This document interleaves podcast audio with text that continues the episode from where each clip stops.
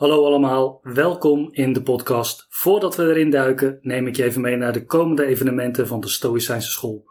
Op 1 en 2 juni verzorg ik weer de basiscursus Stoïcijnse levensfilosofie, op vele verzoek in de herhaling.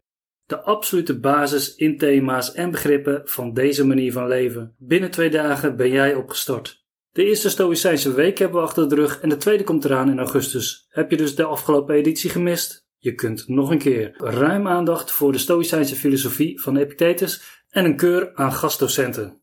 Heb je de basis wel goed zitten en wil je meer naar de verdieping? In september begint aan de ISVW in Leusden een masterclass Seneca. Ook op herhaling, vijf weekenden lang de teksten van Seneca in, beter begrijpen en toepassen in je leven. In de tweede helft van 2024 komen nog veel meer mooie zaken aan, dus houd de evenementenpagina van www.destoïcijnseschool.net in de gaten. En dan nu na deze aflevering. In deze serie bestuderen we de colleges van Epictetus van kaft tot kaft. Dit is een fragment van de complete aflevering die exclusief is voor leden van de Stoïcijnse school. Wil je ook lid worden? De link naar de Patreon-pagina staat in de beschrijving van deze aflevering.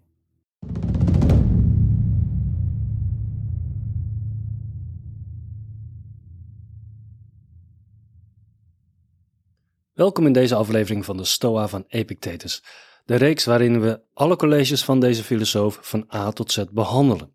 Vandaag focussen we ons op hoofdstuk 5 van boek 1, tot de academici. De belangrijkste takeaways van dit toch wel korte hoofdstuk zijn 1. Hoe Stoïcijnen denken over intellectuele integriteit als belangrijk onderdeel van filosoferen. 2. Dat wij volgens hen allemaal op dezelfde manier de wereld waarnemen, maar op een andere manier interpreteren.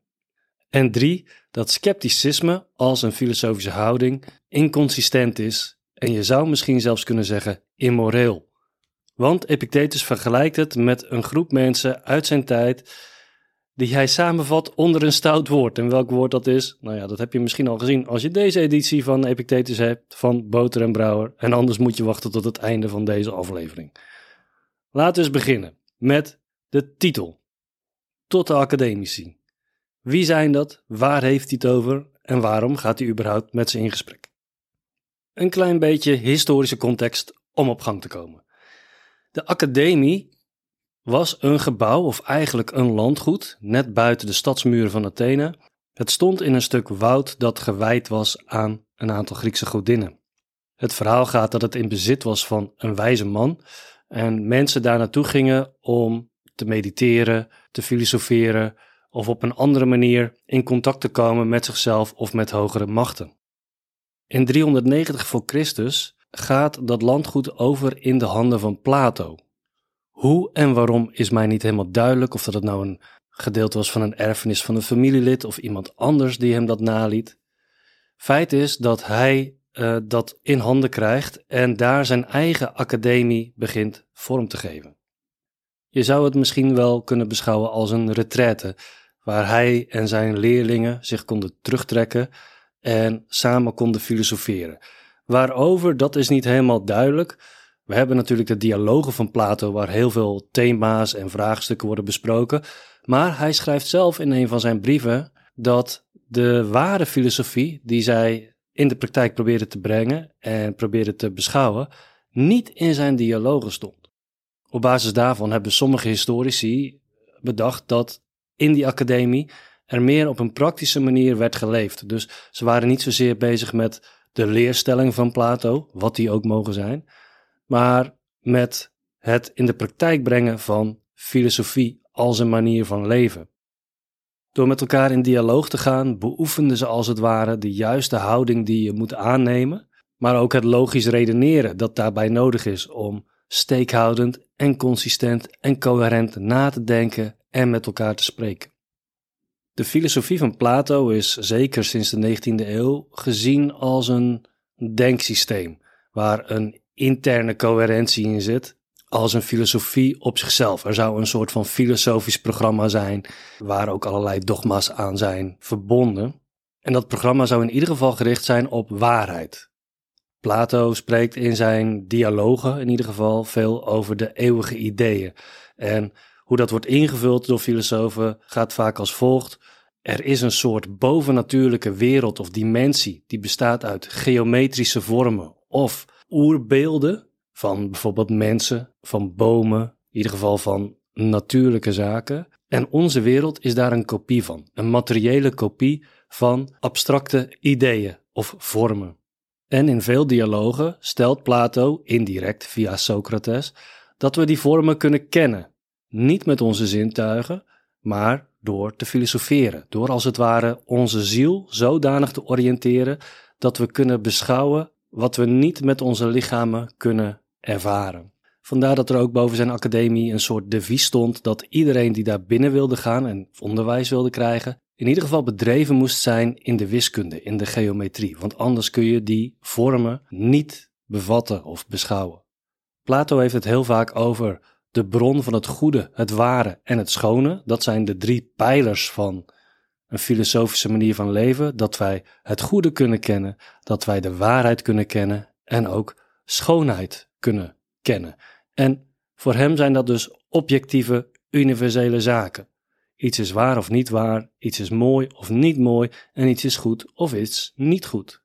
In de Hellenistische periode begint daar een verandering in te komen. Want dan ontstaan er verschillende filosofische scholen, waarvan het Stoïcisme er eentje is. Een andere school is het Cynicisme, Epicurisme en Scepticisme. Al deze scholen concurreren met elkaar, voor studenten en leerlingen, maar ook wat betreft hun ideeën over wat waar is en wat niet waar is, wat wel werkelijkheid is en wat niet, en hoe je het goede leven kan bereiken. De Epicuristen en de Cynici, die komen later aan bod. Vandaag kijken we naar de Sceptici. Sceptici zijn filosofen die menen dat de waarheid of de werkelijkheid onkenbaar is. En in dat idee zijn ze geïnspireerd door Socrates, die voortdurend natuurlijk zijn medeburgers aan het ondervragen is, bijvoorbeeld over de vraag wat is moed of wat is rechtvaardig. En naarmate ze verder komen in hun vraaggesprek, ontdekken ze dat ze daar niet uitkomen. Heel veel vroege dialogen van Plato over Socrates lopen vast in wat ze noemen een aporie. Ze komen er niet uit. Volgens Socrates is dat een belangrijk moment, want je realiseert je dan dat er iets is dat je dacht te weten, maar eigenlijk weet je het niet.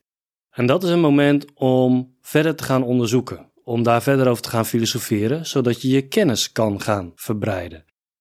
De sceptici nemen aan de hand van dit voorbeeld een andere wending in hun filosofie, en dat is dat Socrates laat zien dat kennis niet mogelijk is. En het goede leven is bereikbaar op het moment dat we dat voor 100% kunnen accepteren. Ze trainen zich als het ware in het onthouden van hun oordeel. Een voorbeeldje. Denk aan de stelling God bestaat. Daar denken heel veel mensen verschillend over. En ze proberen elkaar te overtuigen van de waarheid of onwaarheid van die stelling. En daardoor raken ze van streek. En op een gegeven moment voeren ze misschien zelfs oorlog met elkaar. Een scepticus zou zeggen: deze mensen zijn voortdurend in de war, onrustig, innerlijk in strijd met zichzelf, omdat ze voortdurend aan het worstelen zijn met die stelling: God bestaat. Wat wij als sceptici moeten proberen te doen, is ons oordeel op te schorten over die vraag.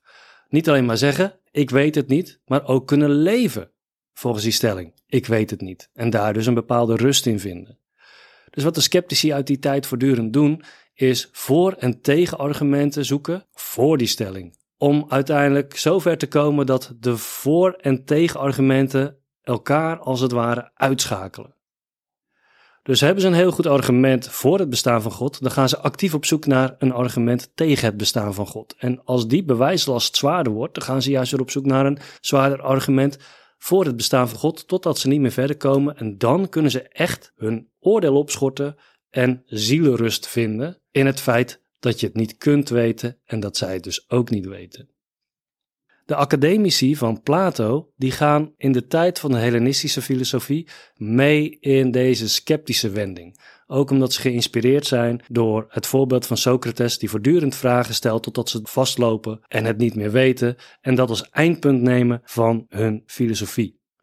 De filosoof Arcesilaus wordt dan het hoofd van de Academie van Plato en maakt ook echt die stap naar het scepticisme. En dat is ook een punt waarop dat de academici ruzie beginnen te maken met de Stoïcijnen. Want ja, die hebben natuurlijk ook een aantal overtuigingen. Bijvoorbeeld dat God bestaat. Hè, dat hebben we in uh, hoofdstuk 3 hebben dat kort bekeken. Ook al hebben ze het dan niet over een persoonlijke God. Maar het idee dat de natuur een goddelijke bezieling heeft, ja, dat is best wel een aardige stelling. Waar je echt wel aan kan twijfelen natuurlijk. En die academici doen dat samen met die sceptici zeer actief. Er worden veel boeken geschreven tegen het stoïcisme. Nou, stoïcijnen schrijven natuurlijk weer boeken terug tegen het uh, epicurisme, tegen het scepticisme. En hier is een hoofdstukje tegen de academici. Ongeveer 150 jaar voordat deze verzameling colleges bijeen wordt gebracht en uh, wordt gepubliceerd, er een academicus is, Antiochus, die vindt dat de academie terug moet gaan naar Plato, terug naar de originele bron. dat is ongeveer 90 voor Christus dat dat gebeurt. En de manier om dat te doen, zegt hij, is om stoïcijns te worden. Dus dat is wel weer een hele mooie goede tijden, slechte tijden wending. De Platonisten worden sceptici en uiteindelijk lopen ze daarin vast, of in ieder geval een stroming daarbinnen, die is daar niet meer tevreden mee. En die wil terug naar Plato en zien de Stoïcijnen als een manier om daar naartoe terug te gaan.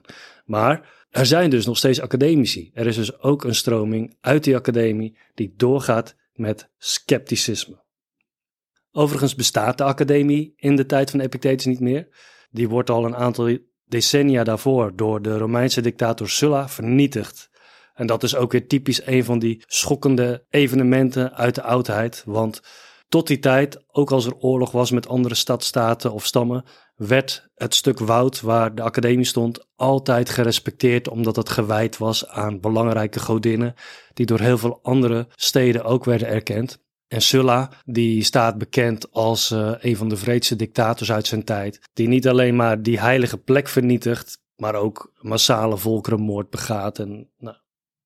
Dus de academici die er nog zijn in de tijd van Epictetus, die verzamelen zich ook op verschillende plekken om daar met elkaar te filosoferen en in gesprek te gaan. Nou, dat was even een lang intro. Laten we nu eens naar de tekst gaan en kijken wat voor interessants daar allemaal precies gebeurt. Ik lees hem voor. Wanneer iemand, al dus Epictetus, zich te weerstelt tegen een waarheid die zonneklaar is, dan is het lang niet eenvoudig een argument te vinden dat hem op andere gedachten kan brengen.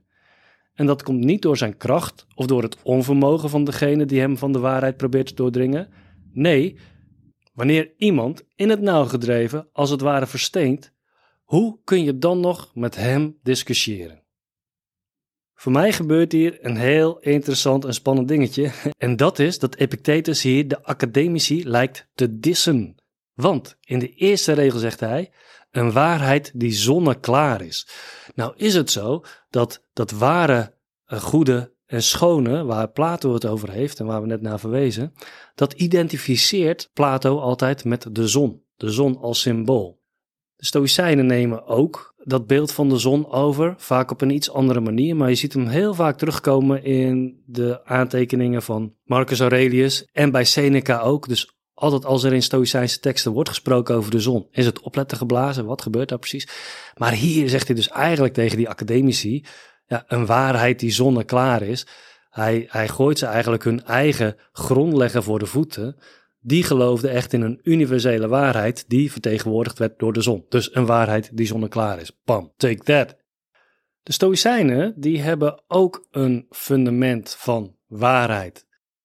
Niet universeel, zoals Plato die heeft, maar wel iets waar je op kan beroepen en wat je met andere mensen deelt. En dat is heel simpelweg onze zintuigelijke waarnemingen. Dat is de basis van waarheid.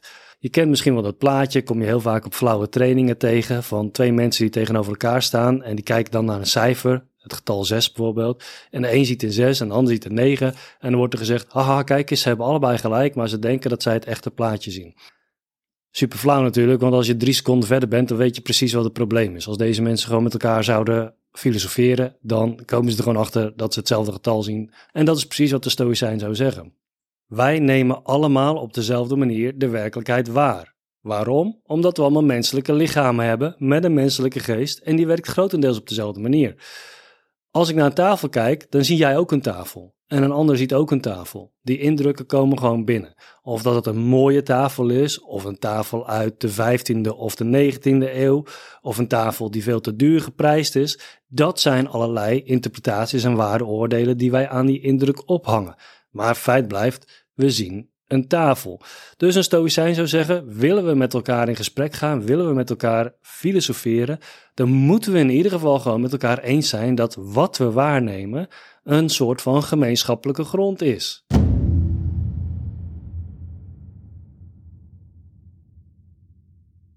Tot zover deze aflevering over Epictetus. Wil je de complete aflevering horen en met anderen in gesprek gaan over de Stoa? Word dan lid van de Patreon-pagina. De link staat in de beschrijving van deze aflevering.